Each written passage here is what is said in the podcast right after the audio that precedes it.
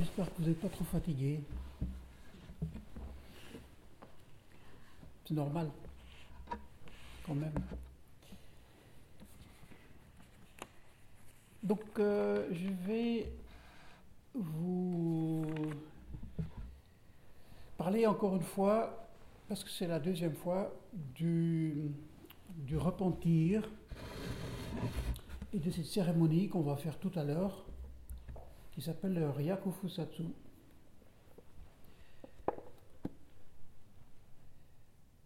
Hum, donc il y a un mois en arrière, j'avais déjà fait un, un premier show concernant le repentir.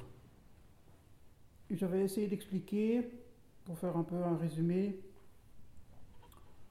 que hum, le repentir, c'est voir l'erreur, clairement. Donc dans le bouddhisme, dans le zen, on n'a pas cette notion de péché qui est très connue ici en Occident, bien sûr, avec cette tradition judéo-chrétienne. Mais nous, dans le bouddhisme, c'est plutôt erreur, faute. Les erreurs peuvent se faire, les erreurs se font par rapport, entre autres, aux préceptes, pour ceux qui les ont reçus, qui sont des règles de comportement éthique quand même très universelles, très, très générales, mais qui sont parfois très difficiles à, respecter, à pratiquer, par exemple, ne pas se mettre en colère. Voilà. Je suis en colère il y, a, il y a sept jours en arrière. Très fort même. Ben voilà. Donc, c'est voir l'erreur. Et, mais c'est vraiment voir de façon profonde, comme, comme tout à l'heure, cette histoire d'écoute Hein, c'est pas, pas superficiel, c'est vraiment être touché profondément et, de comprendre et de voir que un acte que l'on a fait, une parole que l'on a donnée, une, façon de se comporter, etc., est une erreur. Donc c'est déjà tout un, c'est déjà toute une pratique ça, il me semble, et qui est vraiment très proche de notre pratique d'observer, d'être à l'écoute, d'être en résonance avec le monde, mais pas seulement le monde autour de nous, mais aussi avec ce que nous, notre place dans le monde, ce que l'on fait, ce que l'on provoque, ce que l'on chez les autres, chez soi-même, vis-à-vis de soi-même. Voilà. Donc c'est vraiment au cœur même de notre pratique, il me semble. Euh, voir l'erreur, comprendre l'erreur. Et puis si possible, de comprendre toutes les causes, parce que c'est énorme. C'est sûr que, ça je l'avais déjà dit aussi au, premier euh, nous sommes l'auteur de cette erreur. Mais il y a plein de circonstances qui ont fait que cette erreur s'est produite. Il y a notre karma, nos habitudes, notre façon de faire, qui tout d'un coup a provoqué cette erreur, mais il y a aussi plein d'autres conditions qui, qui, sont, qui sont survenues et qu'on ne contrôle même parfois pas du tout et qui nous ont poussé à... Voilà. Donc, euh, ça peut, aller très, ça peut aller vraiment très loin dans, dans l'approfondissement de qu'est-ce qui a fait que cette erreur se produise. Alors c'est sûr que ce n'est pas le but non plus de, s'étaler dans des, dans, des analyses interminables sur le... Mais de, voilà, de, de bien comprendre que, en fait, comme tous les phénomènes sont vacuités, comme c'est dit dans la Shingyo, l'erreur elle-même est vacuité.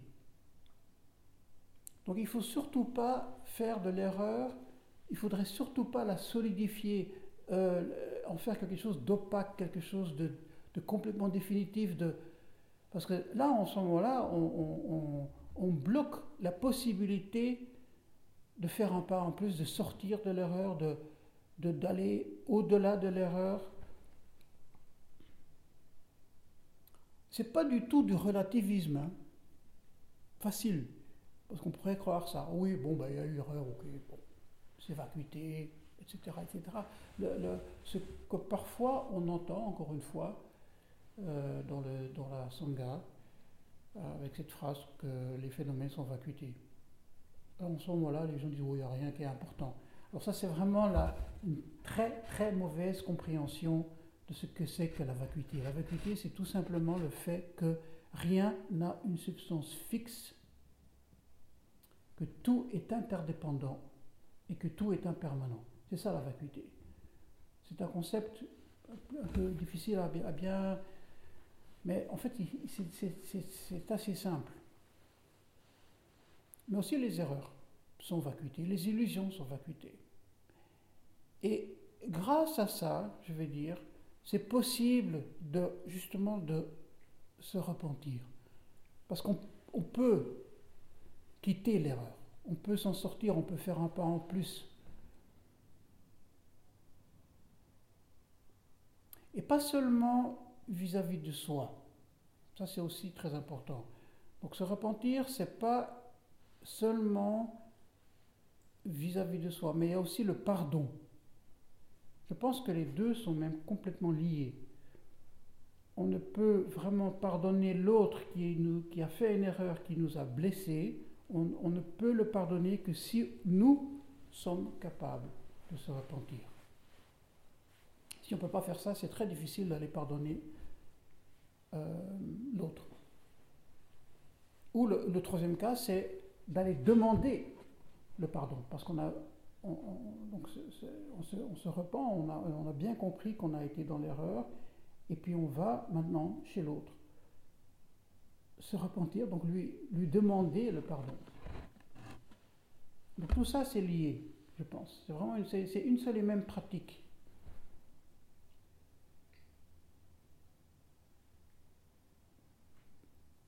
Et alors, ce que je voudrais dire aujourd'hui, c'est que on ne peut pas se repentir, on ne peut pas pardonner à partir de soi. C'est un peu contradictoire, euh, comme ça, quand on le formule de cette façon. Mais on ne peut pas se repentir, on ne peut pas donner le pardon ou demander le pardon à partir de son ego. Ça ne fonctionne pas. Et c'est justement pour ça qu'il y a cette cérémonie. Et ça a plusieurs dimensions. D'abord, on le fait ensemble. Ça, c'est une chose. Et puis, je, vais vous donner le, petit papier là. La deuxième partie, on récite des noms de Bouddha. 1, 2, 3, 4, 5, 6, il y en a 7 ici dans cette Il y a Shakyamuni, il y a Kanzeon, voilà. Donc on est, et, ça c'est quelque chose que Maître Dogen dit également dans ce texte dont j'ai fait le petit fragment tout à l'heure, le Keisei Sanshoku, hein, la, forme des montagnes et la voie des vallées. Tout d'un coup, il parle du, de, de se confesser, de se repentir. On, peut, se demander, mais pourquoi est-ce qu'il, dans un texte où il parle très poétiquement même, de la beauté, etc., du dharma qui se, concrétise dans la nature et que, dont nous sommes le réceptacle, etc. Pourquoi est-ce qu'il tout d'un coup il parle? Ben, Peut-être qu'il y a un rapport profond, un peu mystérieux là derrière qu'il faut, trouver. Mais tout d'un coup, dans le passage, je vais vous le lire, il parle, c'est vers la fin du texte, Lorsque vous éprouvez dans le cœur et dans la chair la lassitude et l'incrédulité, confessez-vous avec le cœur sincère aux éveillés, donc au Bouddha, qui vous ont précédé. À un tel moment, la force de la vertu acquise appartenant au Bouddha antérieur, à qui vous vous confessez, vous purifie et vous sauve. C'est vraiment, c'est fort, je trouve ça comme, euh, comme, pas seulement comme phrase, mais vraiment comme, comme, euh, pratique. Donc, il, dit littéralement, euh, Maître Dogen, que c'est grâce au Bouddha précédent qu'on peut se purifier, qu'on peut vraiment complètement abandonner l'erreur, les erreurs. Et c'est pour ça qu'on récite trois fois même euh, les sept noms des Bouddhas ici dans le Ryakufusato. Donc on ne peut pas se repentir tout seul dans son coin. On ne peut pas pardonner tout seul euh, en envoyant un texto, en envoyant un email. Euh, oui, on peut, en, tant que démarche vers l'autre, à qui on a fait du tort, lui envoyer déjà un, premier truc, euh, voilà, ce sont les moyens modernes maintenant, hein, signal, WhatsApp, excuse-moi, j'étais dans l'erreur. C'est possible, bien sûr. Mais à un moment donné, il faut vraiment le, contact, les yeux dans les yeux, et dire pardon. Et dire, peux-tu me pardonner? J'ai été vraiment une ordure vis-à-vis de toi. J'ai fait. mais voilà, maintenant, j'ai vu l'erreur. Maintenant, j'espère que voilà, les yeux dans les yeux, c'est important ça.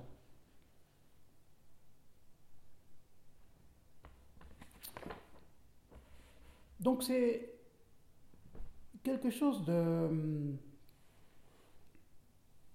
de fort de le faire ensemble, d'être, euh, d'avoir la foi que les Bouddhas antérieurs vont venir nous aider dans cette démarche. il n'y a rien de miraculeux ou de, ou de, ou de mystique ou de fantastique, c'est pas de la science-fiction. Hein. Là, il faudrait développer tout le thème de, la coexistence du passé, du présent et du futur. On ne va pas trop euh, s'aventurer là-dedans, mais euh, on, vit vraiment de façon parallèle comme je disais tout à l'heure, la, résonance de ce poème de Sokoshu, Thomas Sokoshu, qui, résonne encore aujourd'hui. Il est présent, il est vivant, il, est là. Tellement, même que euh, tous les enseignants de Bouddha, de Dogen, de tous les patriarches, ils sont là, ils sont présents. Donc on ne va pas trop développer ce côté-là, mais c'est vraiment... Euh, comment dire Bon, c'est peut-être une question de foi en fait, que les Bouddhas anciens, les patriarches du passé, les moines des nonnes, ne fait pas de différence, vont nous aider, vont nous soutenir.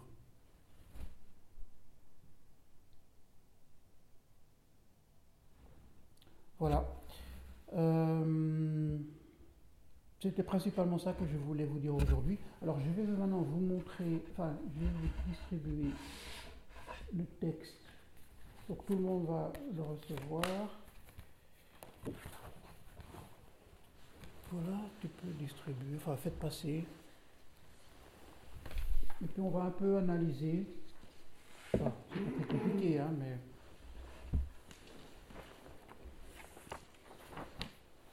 Donc en fait, il faut plier le papier. Ça, c'est la première page. L'ouvre. Ici, il y a des explications euh, sur les sons. Tout à l'heure, après le repas, j'aimerais bien euh, travailler un peu ça avec euh, le et puis avec Nicolas, qui fait la clochette aujourd'hui. C'est pas très compliqué, mais voilà. C'est bien de quand même un peu alors ça c'est la version qu'on avait faite avec, avec Roland Reich, mon maître, euh, ben, en 2008, euh, une fois à Maretsu. Euh, je pense qu'il y a différentes versions selon les, maîtres. Alors on va suivre celle-là pour l'instant. Et puis on verra comment ça va évoluer au dojo et tout. Parce que j'ai vraiment envie, comme je l'ai dit dans le premier choses, de faire ça très régulièrement avec vous.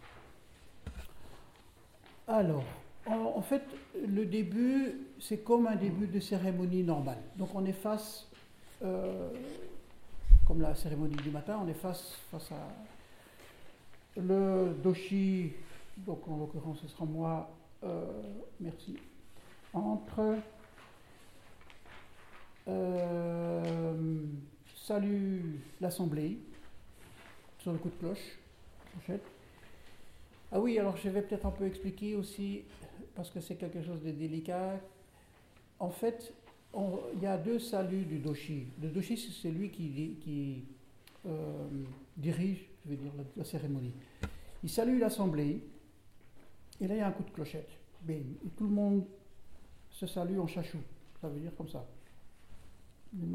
C'est comme en cunine, mais c'est euh, plat.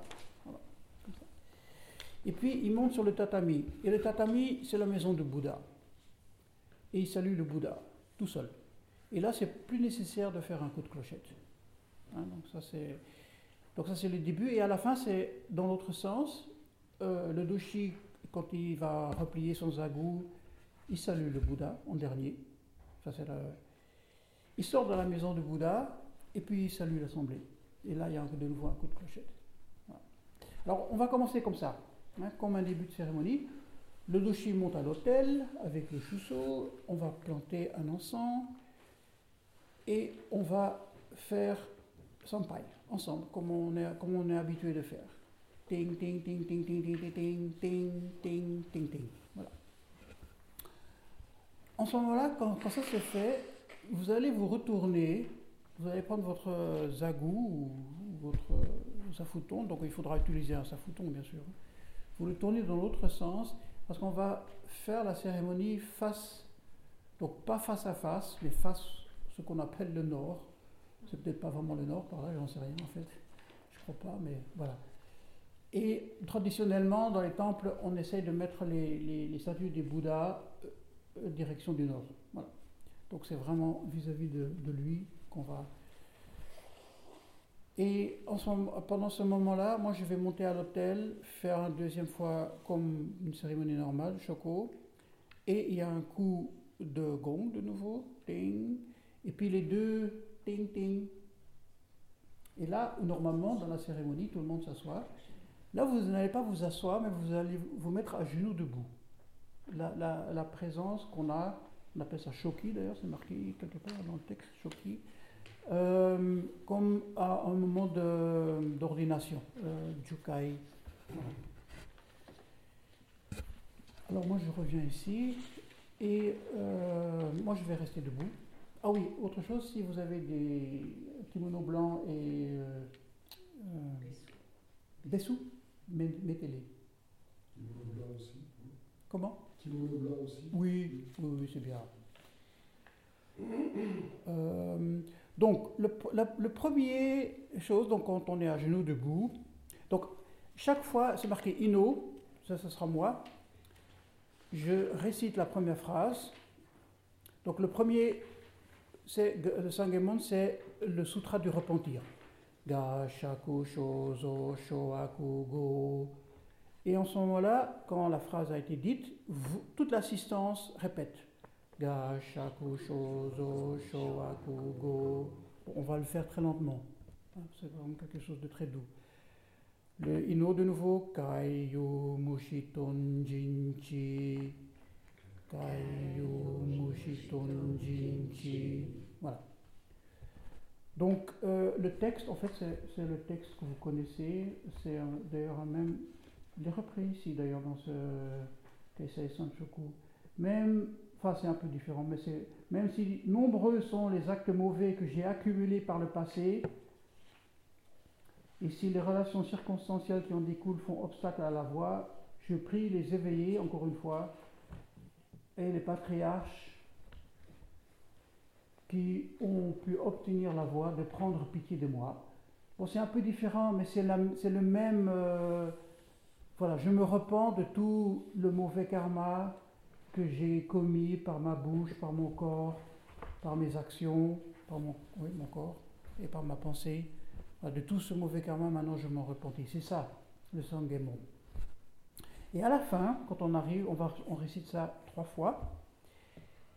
Et à la troisième fois, après la dernière phrase, faire un shokipai, ça veut dire un pai, à partir de la position à genoux debout. Mais ce n'est pas seulement à la troisième fois, je pense que c'est à la fin de chaque fois, on fait ça. Mais à la fin, donc quand on a fait une fois, Isaiga kon kansange, ting, coup de clochette, paille. Puis on se remet à genoux debout et on refait deuxième fois et une troisième fois. Et quand on arrive à la troisième fois, en ce moment-là, on se relève complètement. Pour faire ce qu'on appelle Shorai, et qu'on va réciter trois fois aussi, c'est sept noms des Bouddhas. Et là, on va faire beaucoup plus de paille. Ce sera après chaque récitation du nom du Bouddha. Donc ça comme ça. Namo Kakoshishi Ibu. Ding sur la grosse cloche.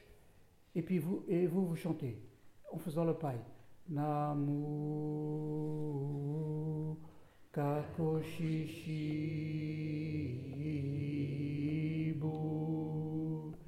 Et un coup étouffé. Sur le... Là, il n'est pas marqué, mais on, on, termine avec un coup étouffé sur la cloche. Ce sera Florent qui va faire. Alors, le deuxième, le troisième, etc.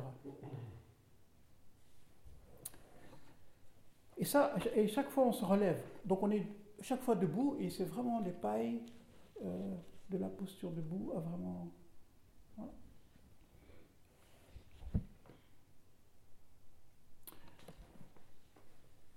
Quand on arrive à la fin, on fait paille. À la troisième fois, après la dernière phrase, puis se remettre. Ah oui, alors on se remet de nouveau en, à genoux debout. Donc quand on arrive à Namo Rekidai Sushibo Sa Ting Ting Ting Ting. On fait vraiment. On, terminera les trois séquences en faisant Sampai. Donc préparez-vous, hein. ça va être euh, physiquement. C'est costaud.